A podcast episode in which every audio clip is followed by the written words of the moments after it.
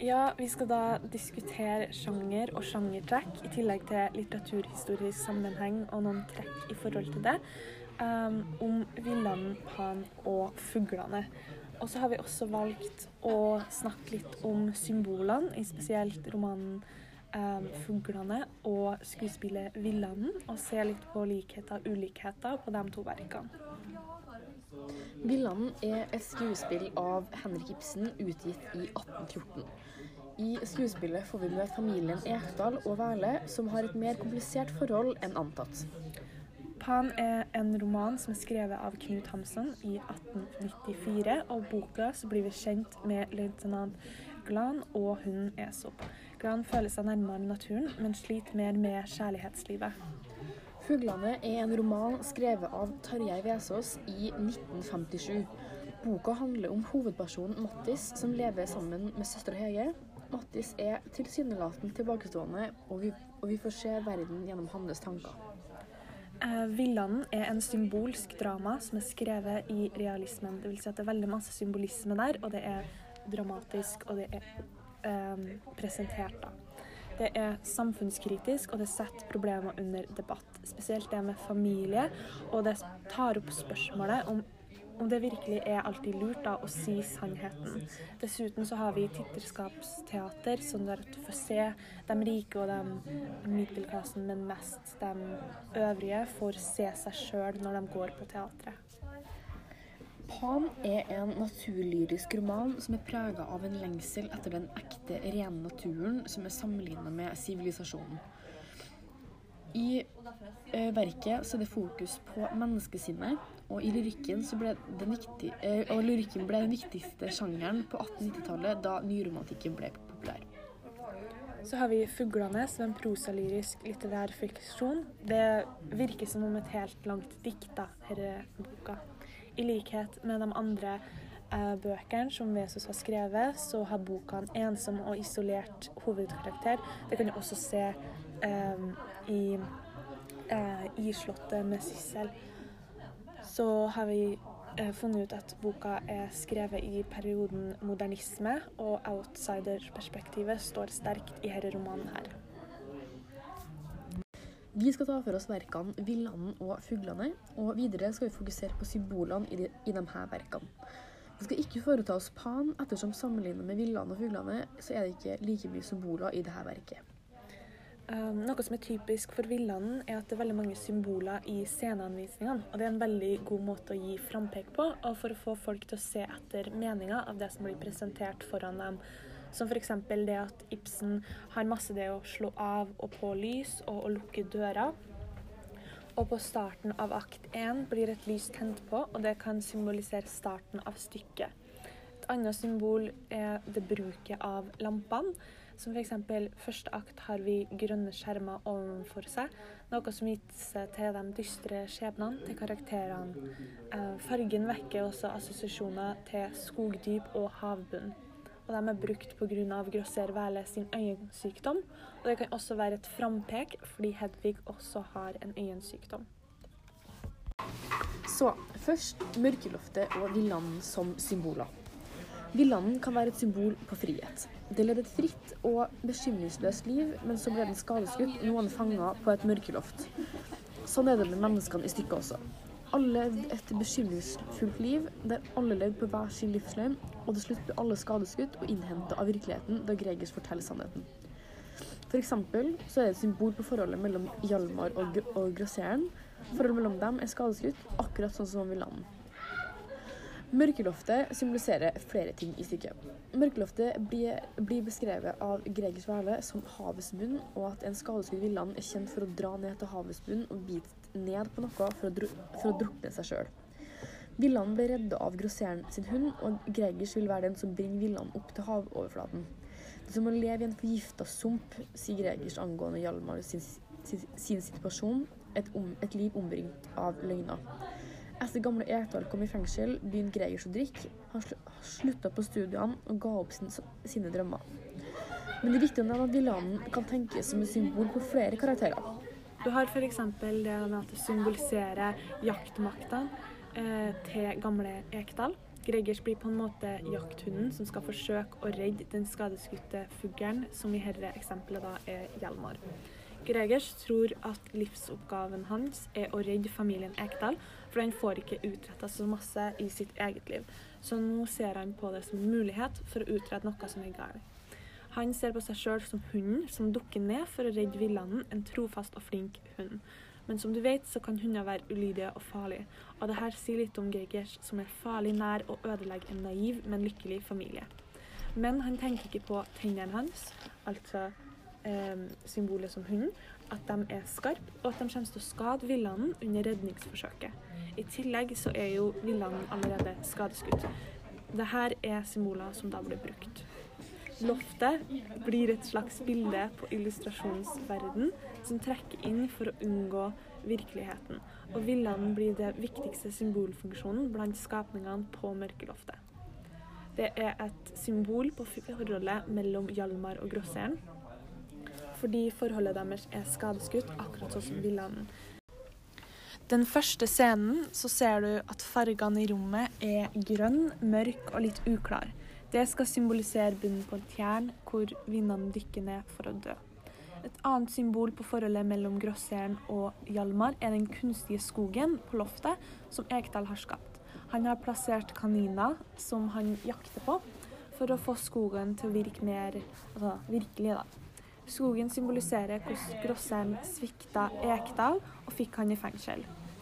Fotograferinga og retusjeringa er også et viktig symbol i dramaet. Hjalmar og Gina de dekker til virkeligheten i stedet for å avsløre den. De forandrer på virkeligheten både i realiteten og i retusjeringa. Alt i alt kan vi si at alle karakterene i verket er på hver sin måte skadeskutt. Gamle Ekdal er alltid halvfull på jakt inn på loftet. Gina må ganske enkelt akseptere mørkeloftet og villanden, Hjalmar har levd på illusjoner siden barndommen, og Grosserer Væle arbeider hele livet med å tråkke på andre sitt liv, og dermed sørge for å skape villender. Så går vi litt over til hvilke symboler som er i fuglene. Og da er rugda hovedsymbolet i romanen, og vi mener da at fuglen kan symbolisere to ting. Det å ha menneskelig kontakt og Mattis seg sjøl. Mattis hevder at han kan kommunisere med Rugda, og da står det i den brune sletta overflata av diktet var det eit lett tråkk av fuglefot, og så fangst det mange runde, dypa små prikkehull i myrjorda. Mattis bøyde seg og las det som sto. Du er du, sto der. Um, så han følte at herre Rugda forsto han, så når Rugda døde, så sørga hun over det som han var hans aller beste venn. Mattis sine venner var Rugda og Hege, så fuglen erstatta hans eh, manglende menneskelige venner. Det er en direkte erstatning for det, men det er også et symbol da, på selve lengselen etter menneskelig kontakt. For Mattis drømte at han var omsverma av skjønne damer han klarte å føre perfekte samtaler med dem. Drømmedama hans eh, altså sitat, var født av i et rugdetrekk. I teksten så skriver også Vesaas at Mattis hadde øyne som en fugl. Um, og da står det 'rare øyne, alltid var de rådville, sky som fugler'. Så fuglen er sky, hjelpeløs og vil fly vekk fra det som skremmer en. Fuglen blir skutt, og Mattis drukner. Og det er jo et symbol på hva som kommer til å skje til Mattis, sånn som et frampek. Et annet symbol i fuglene, det er treet. I hagen utenfor stuevinduet står ospetreet med to utstykkere kalt Hege og Mattis. De står alene utenfor det velstående grønne skogen. Mattis og Hege bor for seg sjøl, alene, litt utstøtt fra samfunnet. Da lynet drepte den ene av utstikkeren, eh, fikk jeg en klar følelse av at noe grusomt var i vente.